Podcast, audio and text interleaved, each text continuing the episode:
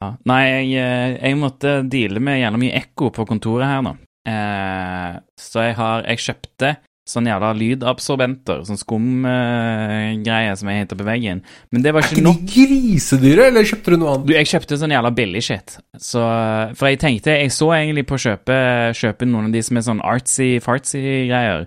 For det hadde vært jævla kult. Mhm. Det hadde vært fint er å ha sånt. Jeg har jo musikkstuff her, så, så Og det hadde vært fint. Men det var så jævla dyrt, så jeg kjøpte bare noe billige greier nå, og så tar jeg det når jeg har kjøpt alt annet jeg må kjøpe til leiligheten. Så, så Får eh, Jeg tror du kan kjøpe noen sånne isolasjonsplater eller noe montere også. Det er, det er ikke noe pent å se på, da, åpenbart, men eh, det funker for lyd. Ja, nei, til nå så har jeg putta masse Jeg har tatt alt jeg har av tepper og, og drit og greier, og en madrass eh, bak eh, skjermene her, sånn at det plukker opp en del av ekkoet. Så nå er det ganske greit. Jeg tror ikke det er så mye ekko, i hvert fall. Det var jo Jeg må jo si, jeg syns jo selv For dere som ikke følger med, så Eller ikke følger med. Dette vet dere ikke, så jeg kan jo ikke si sånn, men eh, FYI, vi brukte et eh, innspillingsprogram som heter Sendcaster i, eh, i alle episodene fram til nå. Og jeg, altså, vi skal ikke sette i gang Vetle her, for da blir det en lang podkast. Men jeg velger å si at det har fungert ok i alle episoder utenom tre eller noe sånt noe. Og de tre der det har borka, så har det borka hardt. I en av dem så mista vi hele innspillinga. eh, Det var vel delvis faktisk vår skyld. Men i de to andre så var det bare eh, Vi trykker stop record, og så bare er det ikke noe der. Og så må vi bruke en MP3-backup og styre og ørene masse. Så nå har vi bytta til noe annet som heter Riverside.fm. som sånn by første øyekast ser mye bedre ut. Sånn, bare sånn eh, user experience-messig så virker det mye bedre. Så får vi faktisk se da Mm. om, eh, om lydkvalitet og, og at output er like bra som vi tror det er. Altså, Hvis ikke noe funker stabilt 99% av tiden, så funker det egentlig ikke. Det er min Det filosofi. er, eh, det er Vetle sin filosofi, og det, det er jeg helt sikker på at Vetle kunne hatt sin egen podkast om, som het noe sånt noe som eh, eh, 0,1% eller 1% eller et eller annet sånt noe, og så bare ranter han om dritt som ikke fungerte den ene gangen, og som nå er worthless piece of shit, og som ingen noen gang burde bruke. Hvis jeg ikke kan stole på at det funker, hvorfor skal jeg bruke det da? Da er det ikke noe vits. Da vil jeg heller bruke noe som jeg kan stole på. Hvis jeg ikke har noe alternativ, da har jeg ikke noe alternativ. Og vi er i gang. Hei og velkommen til eh, 1 I dag så skal vi snakke om iWatchen min, som ikke skrudde seg på i går når jeg skulle trene. Åh, så skal jeg ikke begynne med Apple Watch engang. Apple Watch er et shit-produkt. Oi! Selv om vi bruker det sjøl. Nå traff jeg, traff, altså, Åssen klarer jeg altså, Jeg vet liksom ikke om oddsen for at jeg treffer noe der, er høy eller lav. Det er, det er liksom jeg, Kanskje jeg kunne sagt hva som helst der, og det hadde truffet, liksom. Hvem vet? Ja, nei, hvem vet? Woo!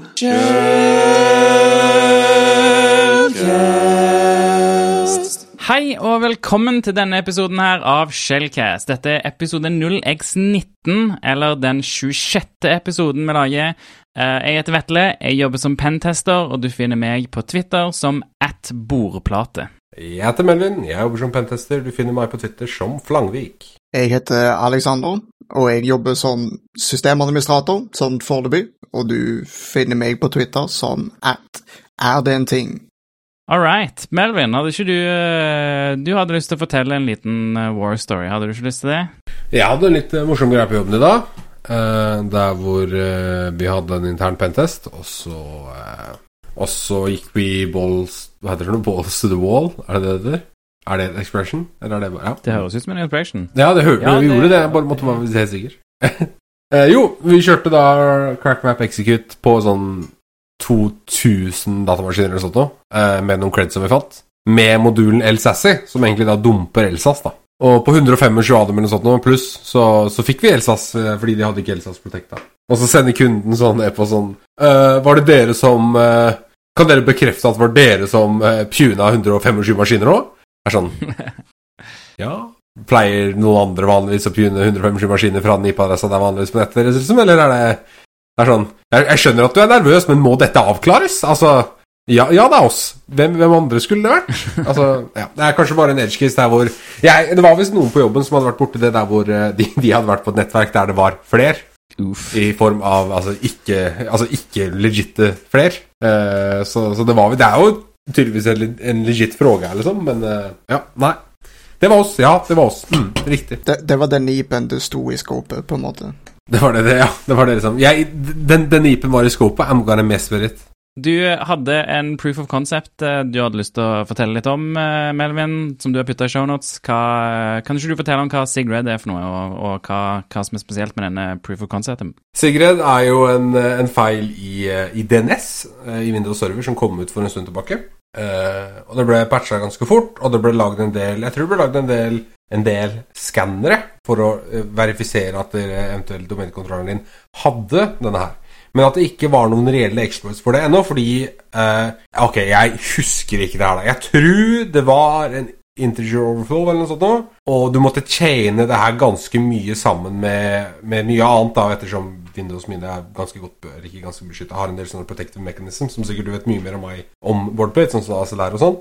Eh, så du måtte liksom chaine det her med, en, eh, med forskjellige ty typer exploits, da, eller feil, for å helt tatt kunne utnytte den. Og nå har det da kommet ut en faktisk POC RCE som faktisk gjør det her. Ah. Eh, som er ganske utrolig, da, for det, vanskelighetsgraden på å produsere en slik RCE er høy. Mm. Eh, så hvis jeg bare drar opp min egen submission her nå så er det da en fyr, en fyr som heter Chompy1337. Som uh, Skal vi se hvor sketchy profilen hans er. Han har da liksom Han har SMB Ghost RC-pukk, og han har Sigred RC-pukk, og that's it. Så jeg kan liksom umiddelbart vedde to kroner på at den er fra Kina, eller noe sånt. Da. At den er glup som ry. Uh, så han har da testa versjonen her mot Windows Server 2019, 2016, 2012, R2 og 2012. Ja, ikke sant, så har han faktisk en ja. Nei, den kan du gå inn og lese. Jeg er ikke så low-level teknisk at jeg klarer å forklare det her på en måte som makes sense for noen. Så jeg skal ikke prøve. Eh, men gå inn på GitHuben, den ligger i shownotes, ta en titt. Dette er ganske interessant. Basically eh, så har du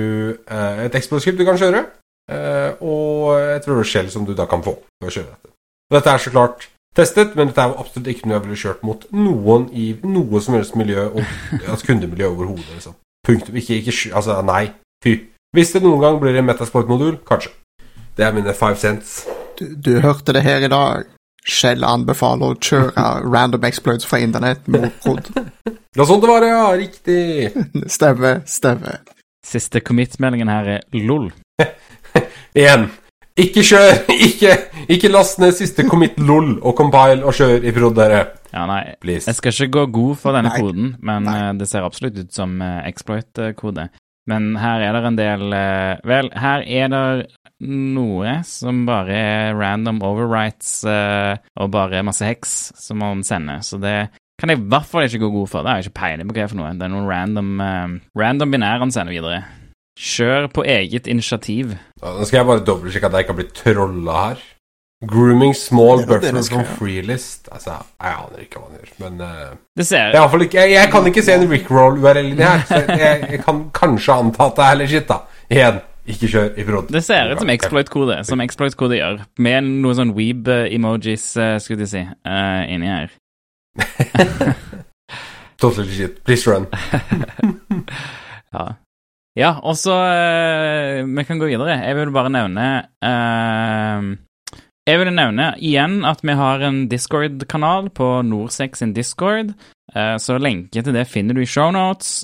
Og eh, når du har joina discorden til Norsex, så eh, gå til information-kanalen og trykk på mikrofonikonet i rolleposten, og så får du tildelt en rolle, sånn at du får tilgang til alle Shellcast-kanalene. Det er to kanaler. Den ene, den ene poster alt med tweeter, for det er viktig. Hvis du ikke følger oss på Twitter, så får du følge oss på Discord. Og så den andre er diskusjonskanal. Der kan dere stille spørsmål, eh, komme med innslag, diskutere ting vi diskuterer. Eh, ja, snakke med oss. Snakke med dere. Ja. Mm. Akkurat det. Ja. Mm. Mm. Jepp, jepp. Det vi hadde der, ja. Så kan vi gå over til nyheter. Ja, go to the news, to the news! Så eh, kommunene bare ruller nedover, skal du si. Det skir nedover, kan man nesten til og med si. Eh, bakken av å bli eh, Den analogien suger, men eh, de skir nedover bakken på å bli hacka, den ene kommunen etter den andre. Nå er det Skien kommune som har fått en e-post-hacka, e-postkonto-hacka, som har sendt ut phishing. Det er ikke så kjempemye info. Eh, det er basically bare en phishing-e-post, og så som har gått eh, ut ifra en konto. Og eh, så har de ikke sagt noe mer. Det er en phishing-e-post med emnet SV systemadministrator Hinvei og SV IT Services Helpdesk. Og så står det noe om covid og uh, ny tjeneste, og trykk på lenken nedenfor og bla, bla, bla. Så det er egentlig alt vi har fått av info fra Skien kommune. Jeg håper på å få noe mer info ja, de neste ukene. Jeg tenker at vi etter hvert kan begynne å spille kommunebingo. det er basically Jeg digger det. Bing, bingo!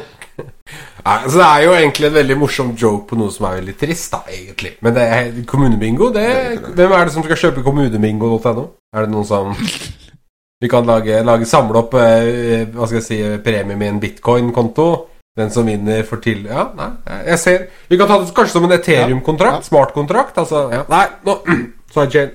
Men um, For sist var det Drammen? Var det ikke Nei, det var eh, Vi snakka om det sist. To, to, Toers kommune.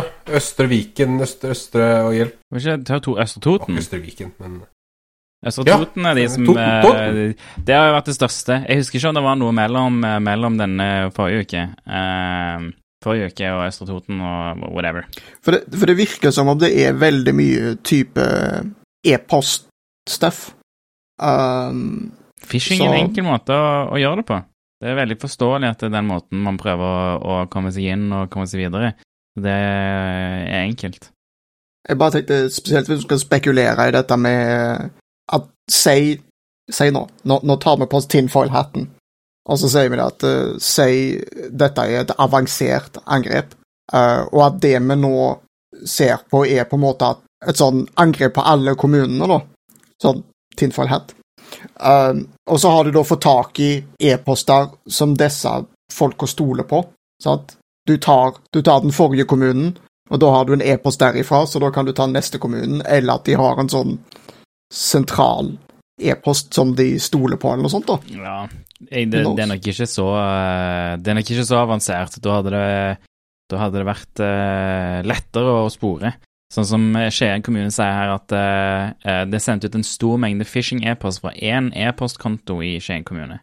Så, så, det er nok én e-postkonto her som har blitt, uh, som har blitt eid, og det er nok uh, fort med liksom enkeltpassord eller um, Hva heter det? Ikke replay attack, skal du si, men at du tar du tar, ja, password spraying, da, eller at man har funnet passord til noen i en offentlig data breach, og så bare prøvd det passordet, på en måte det, det, er fort noe sånt, føler jeg. Men nå er det bare gjetting nå. Men, det, men, poenget mitt i hvert fall er at det, det er en e-postkonto som har blitt eid, og som har, ting har blitt sendt ut ifra.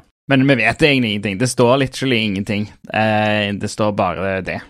Og at eh, så ber de om folk om å slette e-posten hvis de har fått den. Noe jeg ikke helt skjønner. Eh, hvis du, hvis du får en phishing-e-post, hvorfor må du slette den? Hva hva slags effekt har det å slette den? Sånn i tilfelle du ah, ah, det var den phishing-e-posten Den ah, jeg må trykke på den. Eller du glemmer at eh, det var phishing-e-posten. Jeg skjønner jo at de ber folk om å slette den, men det er litt morsomt. Jeg bare føler Det har ikke noe effekt å slette den. Jeg tenker jo eh, Jeg husker i Spørsmålet er jo tracking og sånne ting. da Tidligere arbeidsgiver så pleide vi å sende det til en sånn Fish hoved-e-post. Der hvor alt vi får som vi Altså, jeg er mistenkt etter et eller annet, ja. Mm. Så hvis vi fikk noe inn som vi trodde var mistenkelig, så sendte vi det dit, og så ble det titta på av sokkanalyster. Eh, analyster, er det et ord? Nei. Sokk. Analyster? An uh, jo, ja jo, Nei, analyst. det er noe jeg kødda med engelsk der. Jo, analyster. En, en, uh, ana, nei, Analyster. Analyserende. Analyster. Analysatorer. Altså, altså, du er Ja, ja sokkanalysatorer. Der har vi Sorry. Der har vi den. Beklager. Eh, eh. Det høres ut som en maskin. Det høres ikke ut som et menneske. Analysator. Katalysator, analysator Nei, ne, men uh, Ja. Analytiker. Ah! Elisabeth har rett. Det heter analytiker, selvfølgelig. Takk. Sokk-analytiker. Shout-out til produsenten vår, Elisabeth. Eller Elinabeth, som hun også liker å bli kalt. All right. Skal vi gå videre? Ja. All right. Så, uh, i oh. gøyere nyheter, eller egentlig ikke uh, Immunity Canvas uh, sin database med Spectre Exploits har blitt lekka. Og eh, Immunity Canvas eh, Immunity, jeg vet ikke, Hvis noen er kanskje kjent med Immunity Debuggeren, som er en, eh, som er en grei debugger for eh, eh, Ja, for å debugge vanlige assembly-programmer, og, og jeg vet ikke om man har kodeanalyse eller whatever, men de har òg noe som heter Canvas, som er en database med, eh, med exploits som man kan kjøpe seg inn i, da. Så, så folk som ønsker å, å, å, å gjøre red teaming, eksempel, kan gjerne kjøpe seg inn i Immunity Canvas og få tilgang til en rekke exploits eh, som ikke er offentlige ellers. Og, eh, og der er det en del eh, fungerende Spekter-exploits for uh, Windows og Linux som har blitt funnet på Virus Total. Så her er det noen genier som har tatt exploits da ifra, dette lukka programmet som de har betalt seg inn i, og lasta de opp på Virus Total. Så det er, var lurt, eh, ser jeg. Men eh, ja, for de som ikke husker eh, Spectre, Spectre og Meltdown, som var Nå husker jeg ikke hvor lenge det er siden, det var 2018 eller om det var 2017, eller hva det var. Men det var en, en vulnerability i Intel AMD-prosessorer, for så vidt, eh, som utnytta hvordan, eh, hvordan prosessorene gjør spekulativ eh, prosessering av, eh, av instruksjoner, som, eh, som man kunne utnytte for å hente ut info og eh, Ja. Mm, hente ut info, hovedsakelig, eh, mener jeg det var. Ja. Yes.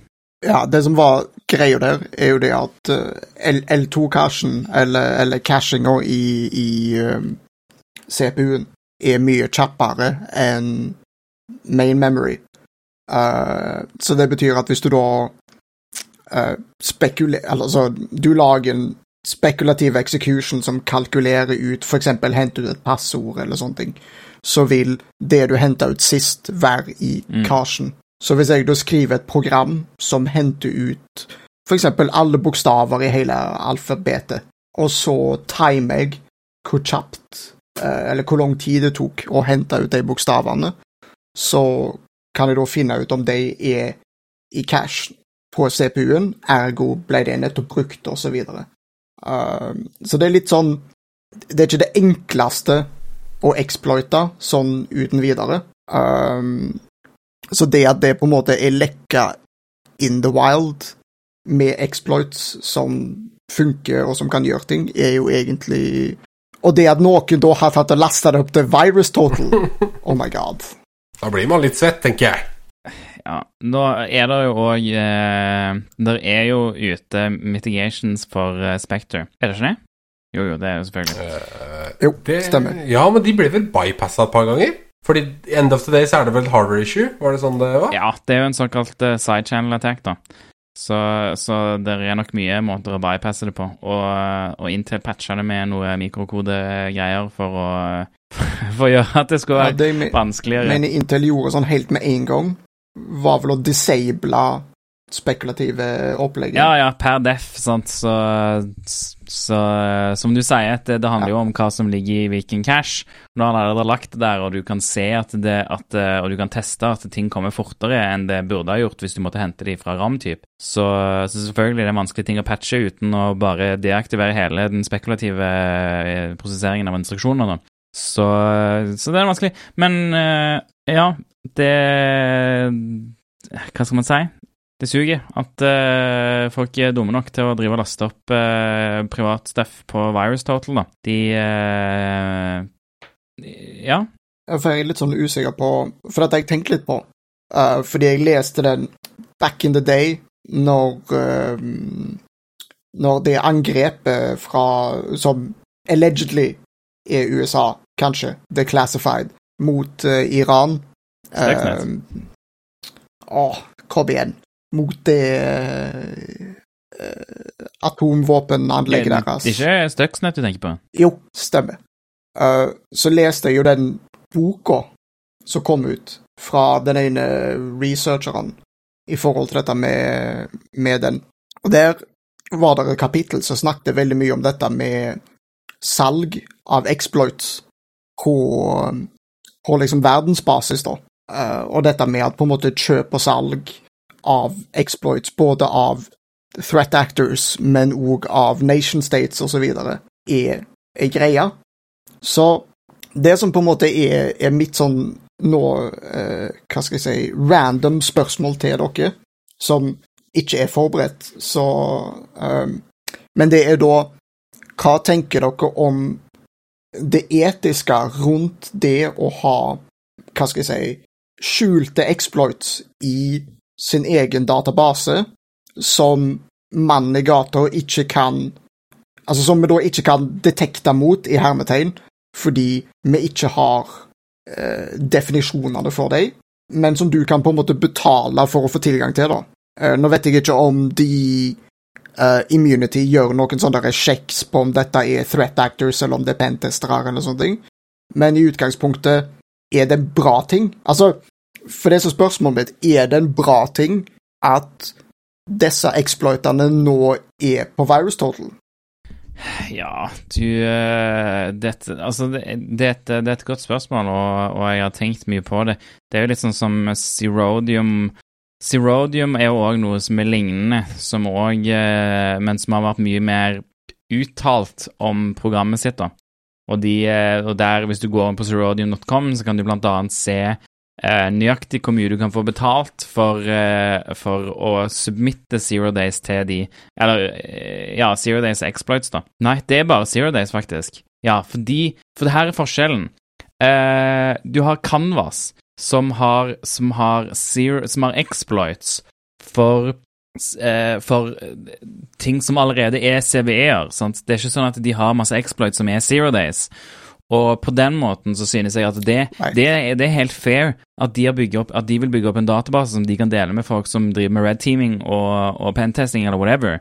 Uh, det er vel mest relevant for red teaming, men uh, at de vil bygge opp en database som det og selge det, på en måte, det synes jeg er veldig, veldig fair. Det er en fin måte å, å kunne skrive exploits for CVE-er og, eh, og, og, holde det bak i en slags de, Da velger jo de òg hvem de vil gi det ut til. Sant? De kan jo velge hvem de, hvem de tillater å ha som kunder. Som som regel er bare alle som ikke er på USA sin uh, Hva heter det for noe? Liste og folk uh, de ikke har lov til å ha time. Hva heter det? Den listen til USA? Det har en sånn uh, Like a trading band? Ja, noe sånt. Sant? Så FBI's Most Wanted. de òg, for så vidt. Men så, så, det, synes jeg, det synes jeg er veldig fair. Sånn som det Canvas-programmet funker, synes jeg er veldig fair. Sånn som Zerodium, derimot, den er verre. Zerodium kjøper Zero Day Exploits. De kjøper ex, altså working exploits for ting som ikke er kjent ennå. Og, og, og, der De selger jo òg gjerne til stater som ikke er på USA sin, uh, sin liste over uh, folk de ikke har lov til å, å trade med. Uh, ah, jeg følte det skulle stå på listen her, på nettsiden. Men uh, uh, så det, det, der, der, det synes jeg er mye vanskeligere. Sant? Du kan få betalt så jævlig mye fra Serodium. Mye mye mer enn du ville fått fra type Microsoft for å, for å rapportere til de. Så ja. Det er litt Ja. Det er shady. Ja, for en Android zero click full, full chain with persistence eh, exploit, da. Det er jo for så vidt flere vulnerabilities chaina sammen til en exploit. Så kan du få opptil 2,5 millioner dollar. Og interessant nok så er IOS eh, full chain eh, with persistence zero click eh, exploit eh, nede på 2 millioner dollar. Så det er faktisk dyrere med en Android eh, full chain exploit enn iOS indikerer at det kanskje er De har en del IOS, liksom, eller? Eh, det var det, det, det var det, jeg så som begrunnelse når folk eh, når, når, de satte opp Det er en stund siden de satte opp Android over IOS, faktisk. Og, og begrunnelsen så jeg at var at eh, Jeg tror bare det er så mye interesse blant researchere for å, for å gjøre det til IOS. Fordi at IOS er, er såpass lukka som det er. Så det er mer interessant, tror jeg, for de som er på det nivået allerede. Men jeg er ikke helt sikker. Det kan jo bare bety at Android er, begynner å bli jævlig sikkert, at uh, Google er flinke til å skrive kode. Open source-modellen uh, der funker kanskje veldig, veldig bra. Man hører jo ofte det, det er mange som argumenterer for at når ting er open source, så betyr det at det er god sikkerhet. Eh, men som vi ser, sånn som i OpenSSL sitt tilfelle med Heartbleed, så vil jeg ikke akkurat si det, det er regelen. Spørs om Men noen sjekker koden, holdt jeg på å si. Ja, noen må sjekke koden. Men for Android, som er såpass, uh, såpass stort, da, så tror jeg det gjerne, gjerne kan gjelde ganske godt, faktisk.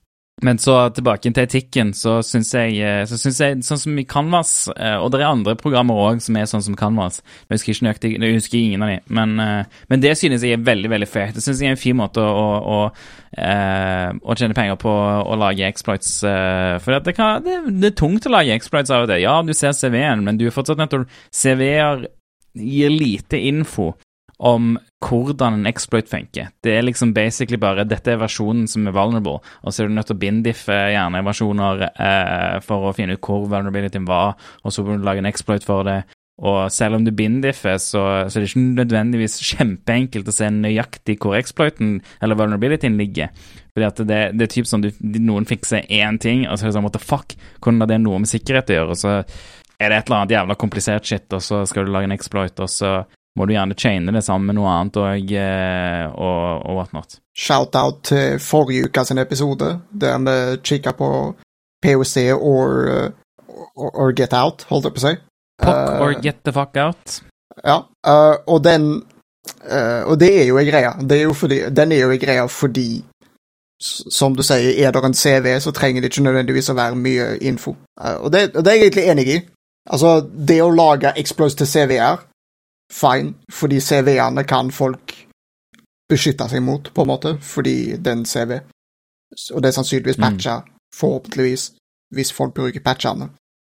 Uh, Ja. så, så det er jeg enig i. Det, det, men hvis det er zero days, da føler jeg det litt sånn mm -mm. Det er veldig gråsone. Eh, jeg skal ikke si at jeg, at jeg, at jeg syns at det, det er det verste man kan gjøre i hele vide verden, men, eh, men det er absolutt en gråsone. Jeg syns ikke Jeg syns det er rart å finne en vulnerability og så rapportere den til et eksternt selskap for å tjene penger på at noen skal kunne bruke det til å hacke eh, folk. Det, det er sånn som Zerodium, så brukes det Det brukes av stat, stater eh, hovedsakelig for å, for, å, for å hacke mm, folk de er interessert i. Og I mean, folk jobber i Forsvaret, og folk eh, driver med, med, med Altså, jobber i Forsvaret og, og militær rundt omkring. Så selvfølgelig er det mange som, som, som mener at, eh, at det ja, et slags krigføring, da, er jo all right. måte å drive. Jeg skal ikke si at jeg ikke syns det er all right heller, men, eh, men dette er jo det. Eh, Det er angripe veldig targeted folk. Du kan ikke bruke en zero day mot en, en svær gruppe folk, for da har du brent hele zero dayen.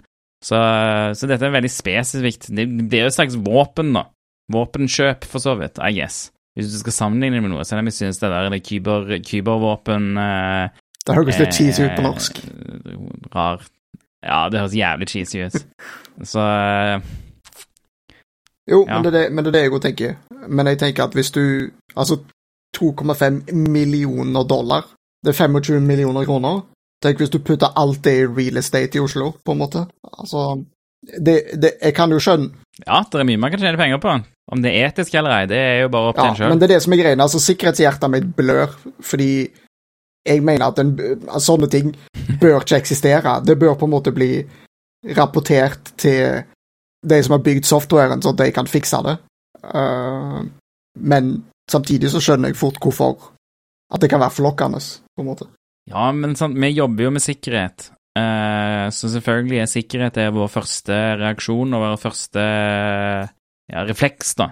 Mens, eh, mens jeg tror de som, de som driver og lager disse exploits og, og finner vulnerabilities for, eh, for å selge det til types Erodium, de, de tenker ikke på det som en sikkerhetsgreie. Det er ikke sånn at de går gjennom det og, og har noe form jeg tror, ikke, jeg tror ikke sikkerhet er noe som slår dem så mye.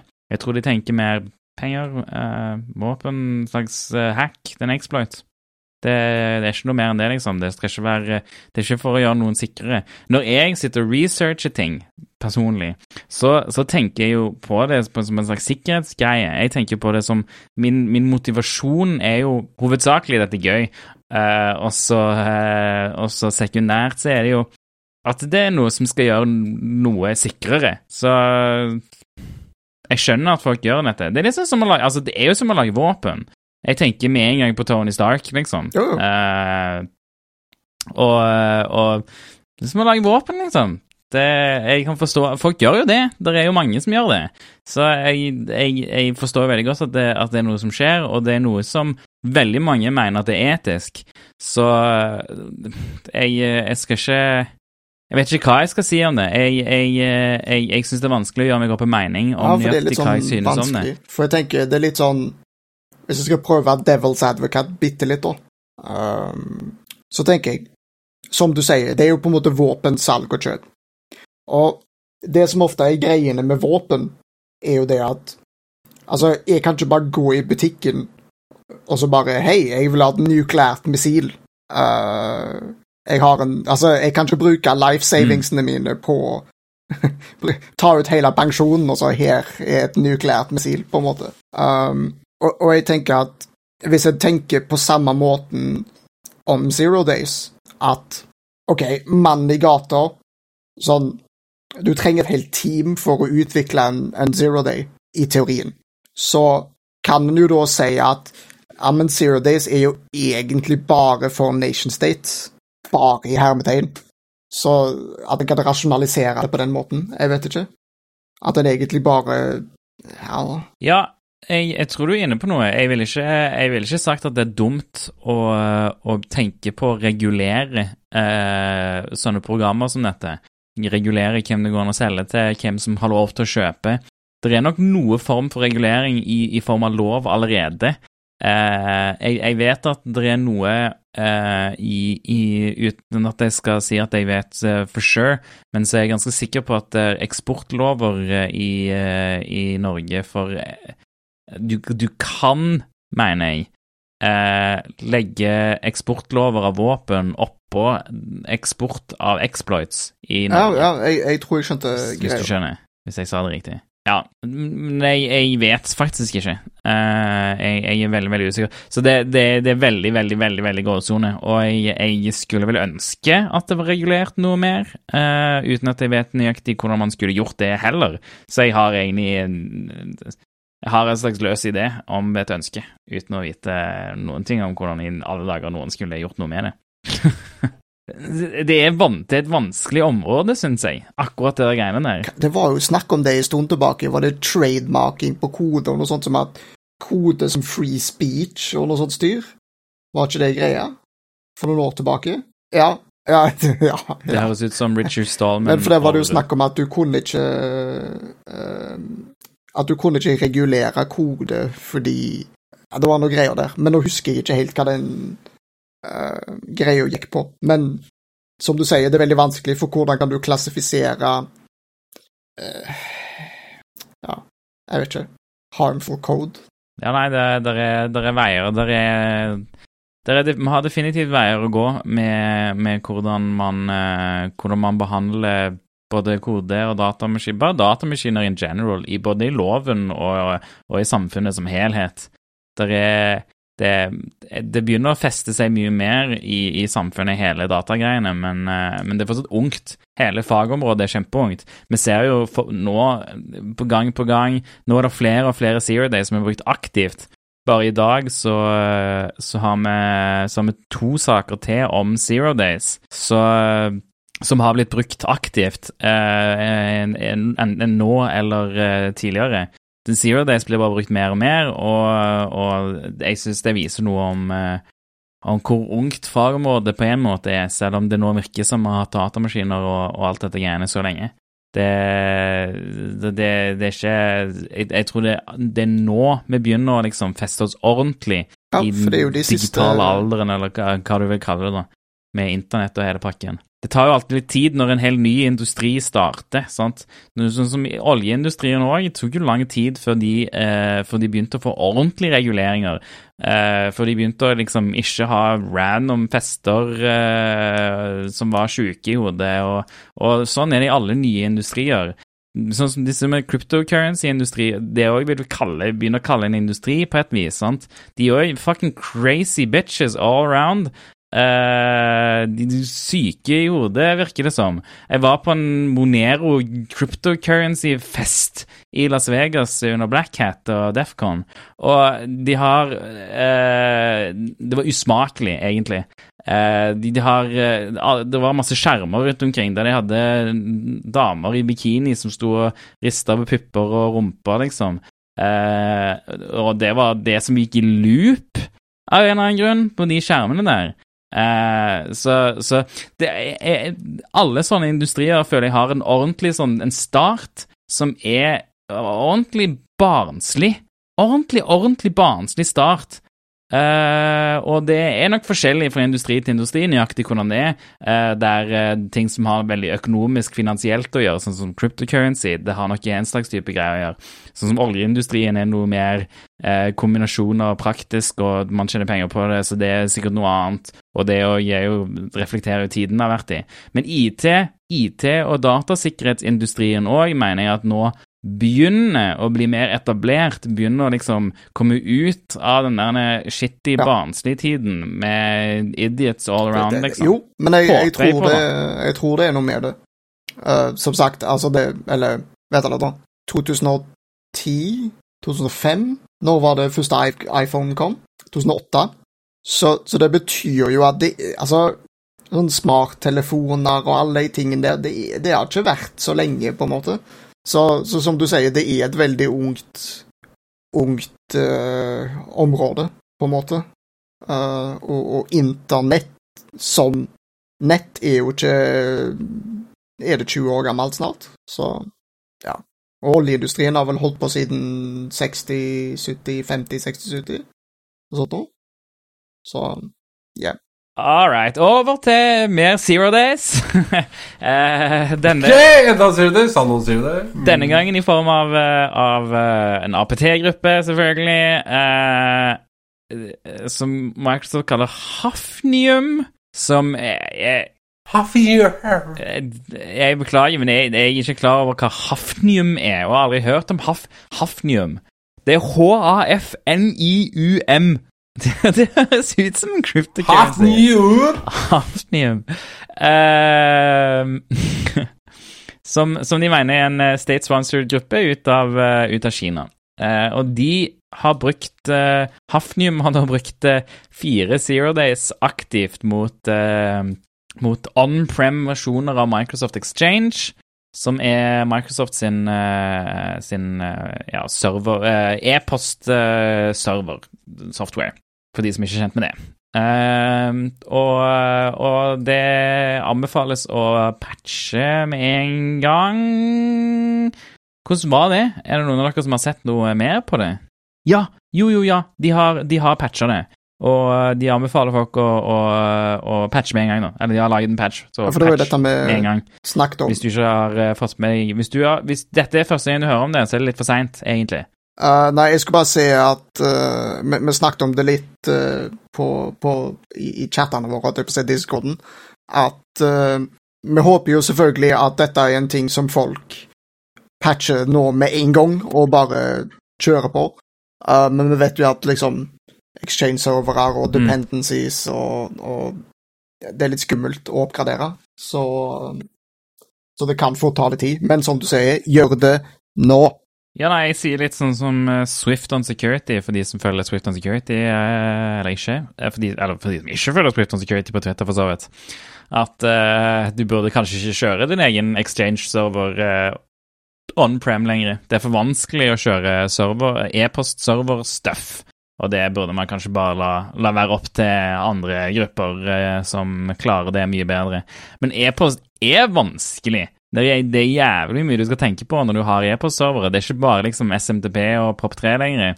Du må, eh, du må, gjøre det ordentlig, og du, det er så lett å, å bli uh, At du blir ja, spam-filtrene tar deg fordi at du bare er en IP, eller Det er mye å tenke på, da, og jeg kan det heller ikke, så jeg vet heller ikke nøyaktig hva dere tenker på.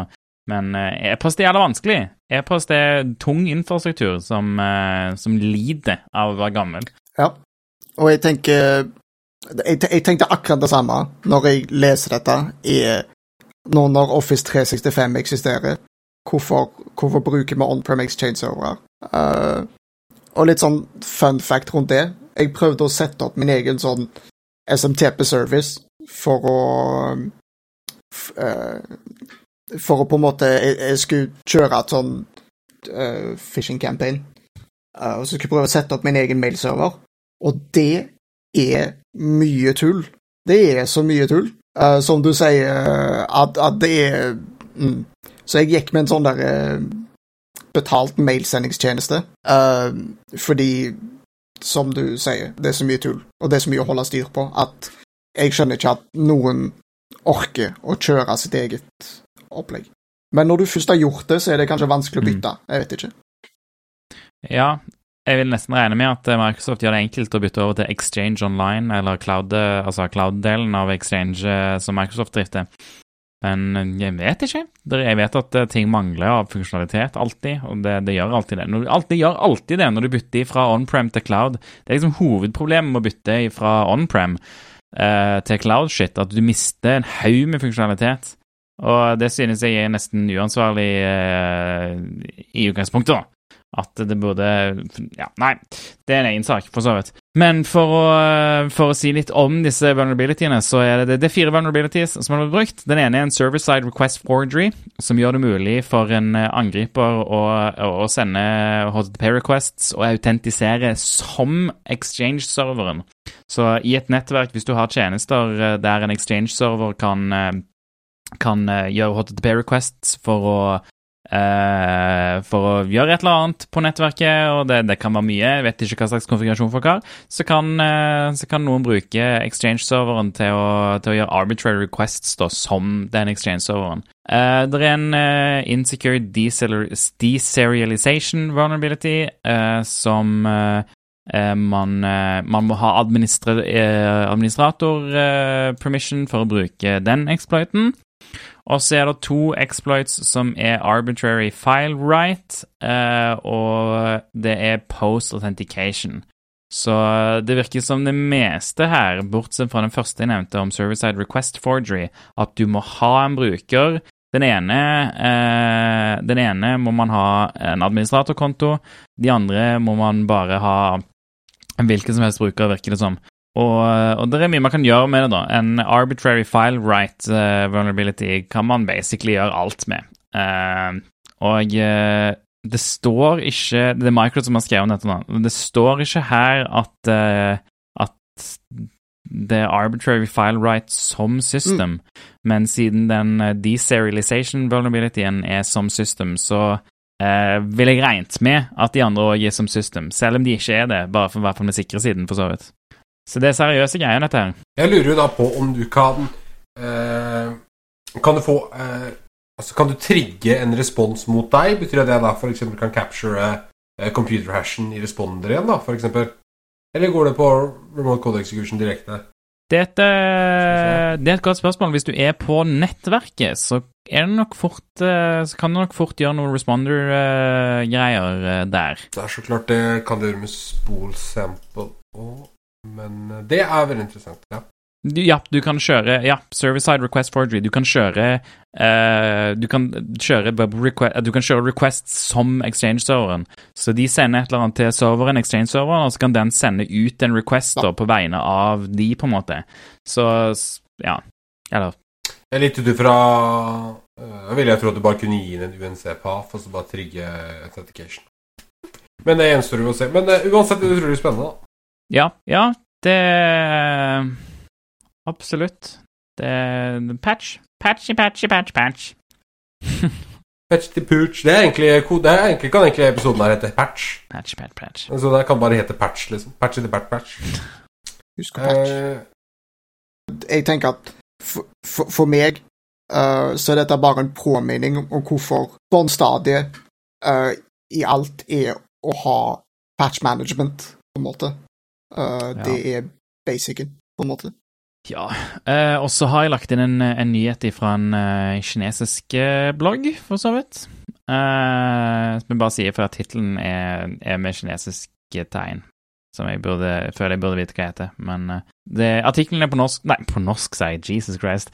Artikkelen er på engelsk, så det er en bloggpost her om en, det er en teknisk bloggpost om hvordan en zero day som ble brukt av Bitter APT-gruppen, funker.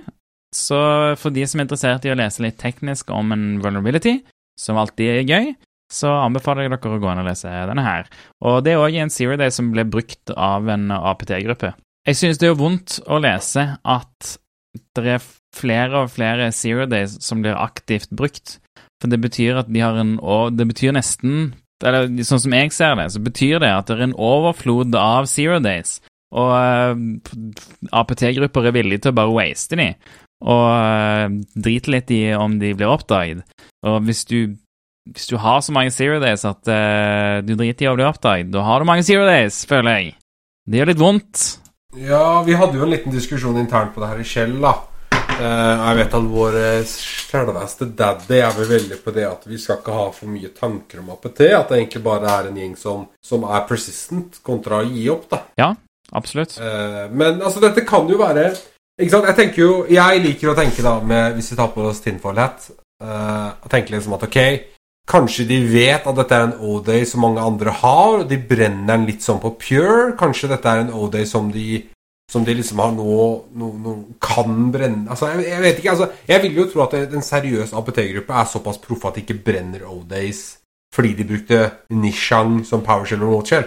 Mm. Altså Nei. Nei, ikke sant? Eh, såpass mye klarer vi å koste på oss, men ja. Nå fikk jeg en idé her.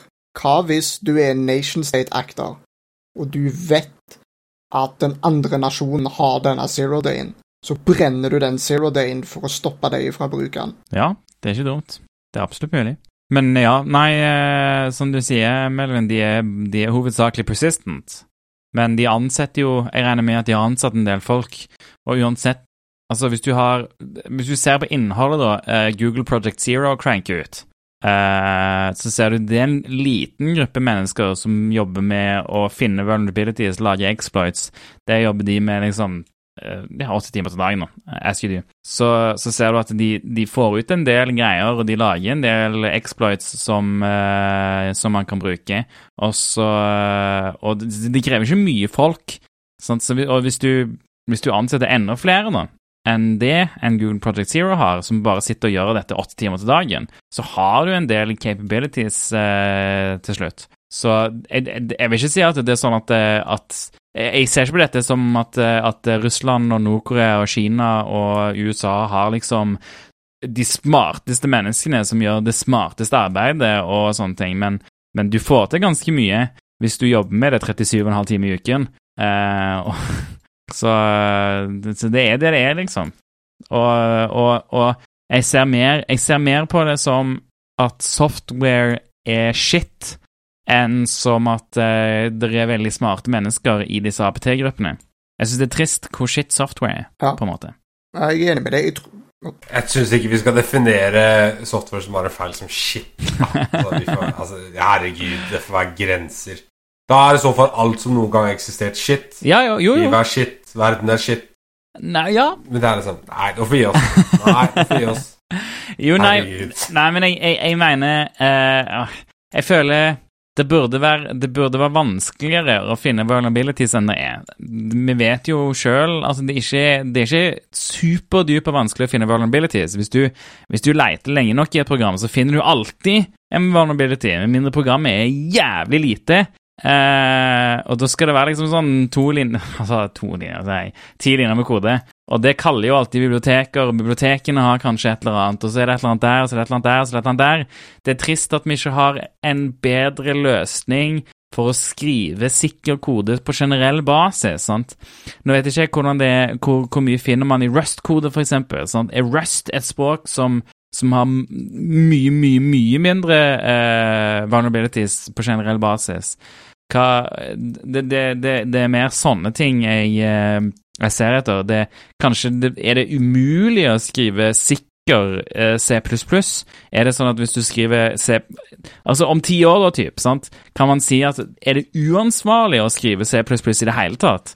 Vil man, hvis, hvis noen sier nei, jeg skriver C++, vil, du, vil, vil, noen til de andre si det er uansvarlig? Du burde skrive noe som er, er sikkert, sånn som på en måte Rust eller eh, Swift eller C-sharp eller sånt? Jeg, jeg tror at de alt som i utgangspunktet ikke, man, ikke har managed memory på en eller annen måte, uh, eller der du kan bruke unsafe pointer ja. så vil det vel alltid være vulnerabilities. Men jeg tror òg kanskje at En finner jo en del vulnerabilities i web òg, og derfor tenker jeg at i, i, utgangspunktet så er vel kanskje problemet i, i utviklerkulturen. Uh, fordi at hvis du skal lage et produkt så er det jo deadlines, og du pusher produktet og så mye features over Dette vet vi kanskje uh, Melvin mer om, siden han har jobba mye mer med utviklingen jeg har, på en måte. Uh, men, nei, men for meg så tror jeg kanskje det er en litt sånn kulturell ting òg. Pluss, som sagt, frameworks og så videre. Altså, bruker du et framework som blir uh, testa av noen, så er det på en måte er jo bare din sikkerhet sikkerheten til det frameworket, sant? Så jeg føler jo I kortstokken da, så føler jeg at jobben til en utvikler er ikke å lage 100 sikker kode. Jobben til en utvikler er å levere verdi ved å lage et eller annet som noen skal bruke. Mm.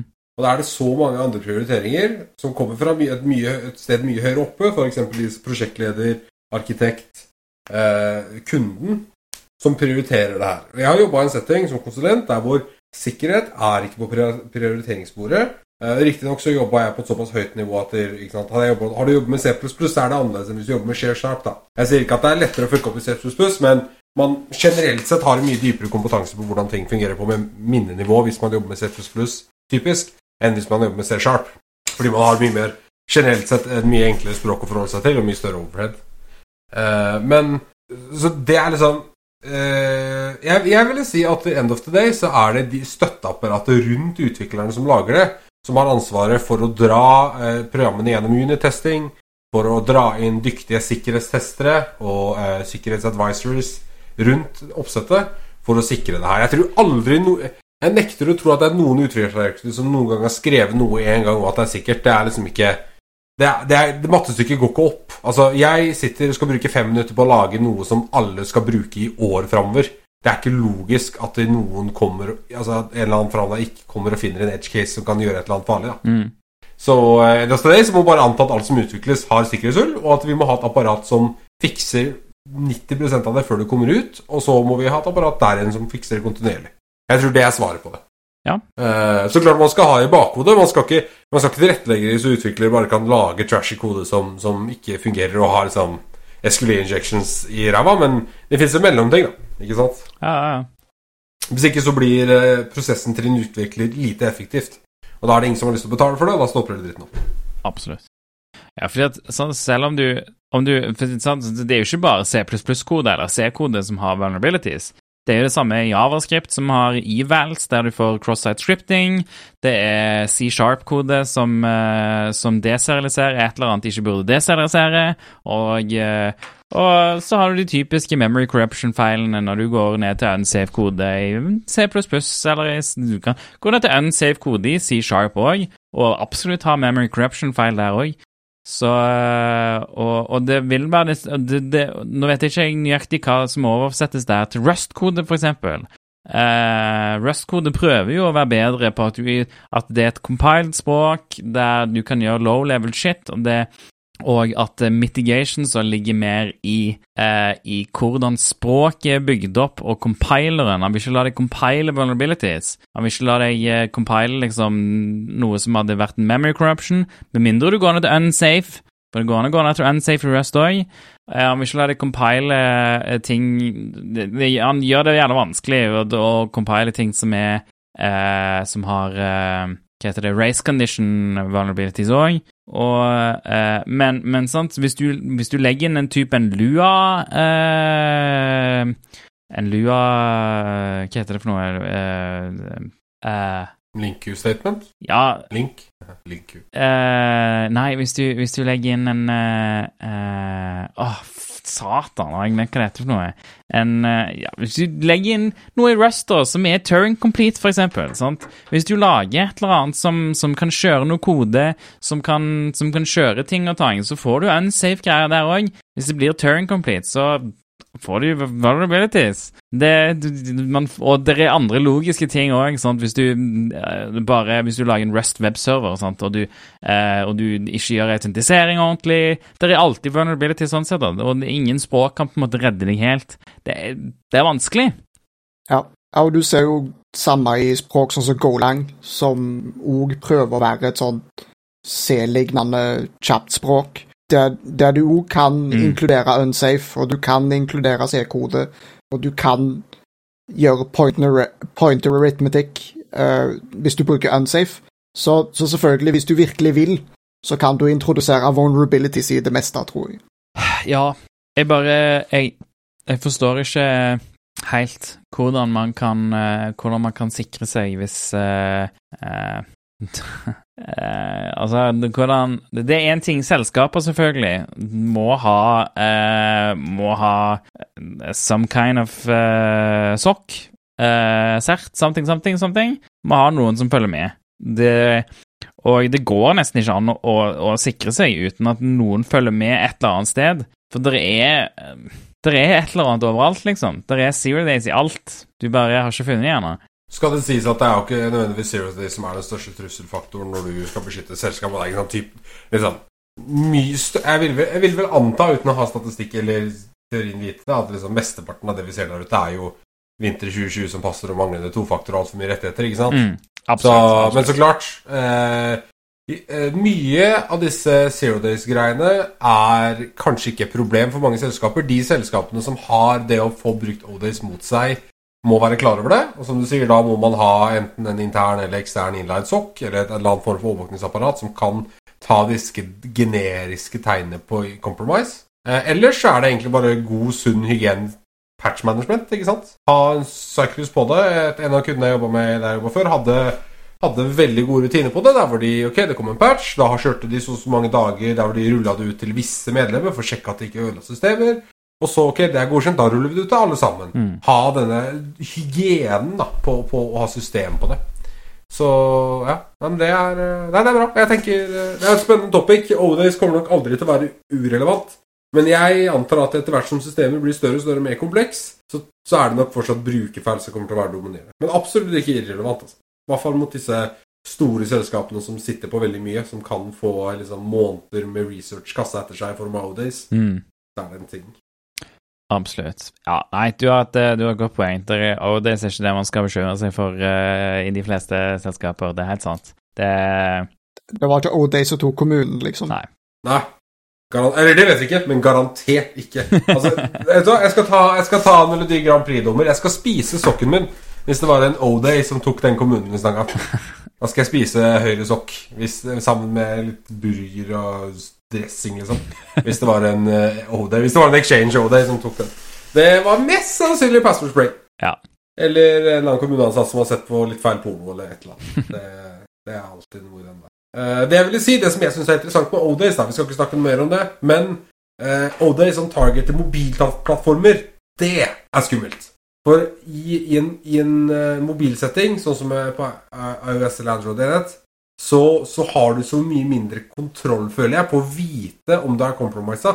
Selv jeg som er teknisk. Så det å åpne en SMS, eller å åpne en, en iMessage, eller en Messenger-melding, eller en mail, og bli compromisa på telefon, det syns jeg er skummelt. For det vil man aldri funnet ut av.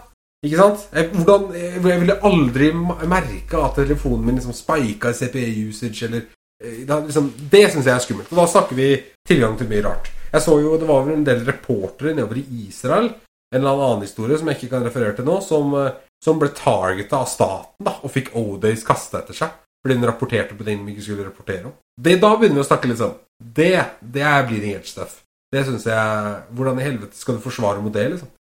Ja, Hvordan skal sokken din reagere på den mobilen til en ansatt som blir uh, compromised? Da snakker vi skummelt. Ja, det, det vil jeg si er et problem hos eh, iOS. At iOS er såpass lukka at du får ikke noe innsikt. Det er umulig å vite, uh, å vite hva som har skjedd der.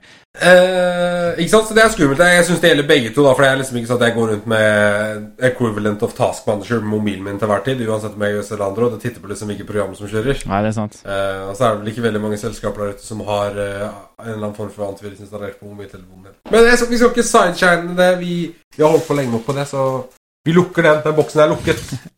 Closed. Close. All right. Ja, nei, så jeg vil eh, Jeg vil si det var uh, Kernel Zero Day du kan lese om. Brukt av BitterAPT. Det her er noen som viser hvordan du kan lage en exploit. Så hvis du syns det er gøy, så go ahead and read it. Go ahead and read it. Så siste saken uh, kan vi vel uh, Det er Hurtigruten som eh, bare forteller om eh, hvor, hva det var som skjedde med, med deres eh, Når de ble, ble eh, ja, hacka nylig. Og det var basically bare ransomware mot MS Midnattssol og MS Fram. Var det på båtene, eller var det infrastruktur rundt det? Ikke på båtene. Det Hurtigruten learned that an unauthorized actor encrypted the computer systems relating to two, two other ships, the MS Fram and MS Midnattssol. The data impacted for limited MS Fram guest was between 2012, uh, 2018 and 2020. Uh, ja, Jeg regner med at styringssystemene er real-time operating system, så jeg regner ikke med at det er det, det ser ut som om det er, uh, det er data, altså systemer som har blitt uh, fått ransomware på MS Fram og MS Midnattssol, og at eh, data som de vet at har vært på de maskinene, har vært data ifra eh, Altså imellom 2018, 2020 og 2016 og 2020. Så, så Ah, okay. ja, så, så det er typ Hvis folk har logga på gjestenettverk eh, for båtene og, og sånt noe, tipper jeg. Eh, vanskelig å si. Men eh, de forteller at personinformasjon kan ha blitt eh, eh, Kan være navn, fødselsdato, eh, passport numbers and passport expiry dates. Eh, og e-postadresser, eh, eh, fysiske adresser og telefonnummer kan òg ha blitt påvirka. Eh, og så sier de at eh, typ kredittkort og sånt bla, bla, bla ikke var påvirka. Men har det egentlig noe å si, et ransomware? For da er det jo bare en krypta, på en måte. Jo, ja, nei, men du, altså det er jo fortsatt kode som har kjørt maskinene, så du, du vet på en måte ikke om de har, hva de har henta ut. Har de, har de henta ut noe data før de har kryptert, eller har de bare kryptert? Som regel så er det jo bare kryptering, fordi at uh, dette er bare vinningskriminelle som, uh, som bare skal ha penger, og de tenker ikke på å hente ut data først. Noen av de. Noen av de gjør òg det. sant? Noen av de velger å hente ut data og så kryptere, fordi at de vil, eh, de vil selge det on the black market uh, or whatever de gjør. Så Ekstra pressmiddel, enkelt og greit. ikke sant? Veldig mange, ja, veldig mange selskaper er jo sånn eh, ikke sant? Hvis du er i EU, da, og det blir, kommer frem at data er lekka fra serverne dine, så får du den jævla GDPR-bota som, eh, som disse angriperne kan presse med. da Mm. Si at vi har tatt dataen din, vi selger det, og du kommer til å få en kraftig GDPR-bot hvis du ikke betaler. Betal, så forsvinner det. Så, men ja, du, ja, det er mange som kan gjøre den shady. Men det her er en sak vi, vi covra tidligere. I par, en del podkaster tilbake. Gjorde vi ikke det? Jo, det gjorde vi. Mm. Eh, da var det veldig, mye, veldig lite informasjon. Jeg husker ikke når det skjer. Så det, men da var det veldig lite informasjon om det ute. Eh, så nå har vi i hvert fall fått noe. Eh, jeg vet ikke om de hadde jo igjen det hadde vært veldig interessant hvis noen hadde og lagt ut litt mer informasjon om hvorfor det her skjedde, hvilken inngang de brukte, hvilke system, altså hvordan de nådde fram. Men nei da, det får vi ikke lære. For for guds skyld, det hadde jo vært bra for defendere. Som faktisk. Men det er greit. Ja, jeg stusser egentlig litt på hvordan man, hvordan man ransomware to båter. Hva er de kobla til? Kult. Hvordan, Ransom boat, liksom. hvordan er- de kobla ut på internett på en måte som gjør at de blir hacka? Er det folk som åpner e-poster på båten? Der er, jeg skjønner jeg, jeg kan ikke nok om driften til en båt til at jeg skjønner hvordan i alle dager dette funker. Jobber du i sjøfartsindustrien, så ta kontakt. Vi har lyst til å finne ut hvordan man hacker en båt. Gjerne en stor en på størrelsene med disse her. Hmm. Neida, men det er vel så enkelt som at båten har styringssystemer, eller eh, generelt Det, det må være et eller annet operativsystem. Ransomware har blitt, vært kjent for å bli kjørt mest på Windows. Så kanskje det er, hvem vet, kanskje det er noen gamle Windows XP-maskiner som kjører mot dieselmotorene på disse båtene. Hvem vet? Hadde ikke sjokkert meg! Jeg, jeg, håper, jeg håper uansett at det ikke er noe eh, mot båtmotorer som bruker Windows XP. Som er, jeg håper ikke det er noen båtmotorer som er på internett. Det, åh, det hadde vært så bra, det. Du bare ser en sånn ingeniør skal reparere en motor, og så bare trykker han på en knapp, og så dun, dun, dun. Jeg håper egentlig generelt sett at ingenting bruker Windows XP. Så, så legger vi den under en kam. Try. det tror jeg var alt vi hadde for i dag. Yes! Hvis du har noe bidrag eller noen spørsmål, hvis du har noen kule war stories du vil fortelle oss, så, eh, så send oss en e-post på podcast at 5h3ll.sh. At oss på Twitter. At 5h3llcast. Shellcast på Twitter. Eller, eller join Discord. Join Norsec-discorden, og så joiner du Shellcast-kanalene. Det står info i shownotes, så go ahead, join oss, snakk med oss. Vi vil snakke med deg. Vi elsker deg. Eh, og flere positive ting for å få lytterfeedback. Positivitet! Yes! Ah, Folk, yay! Love! Feedback!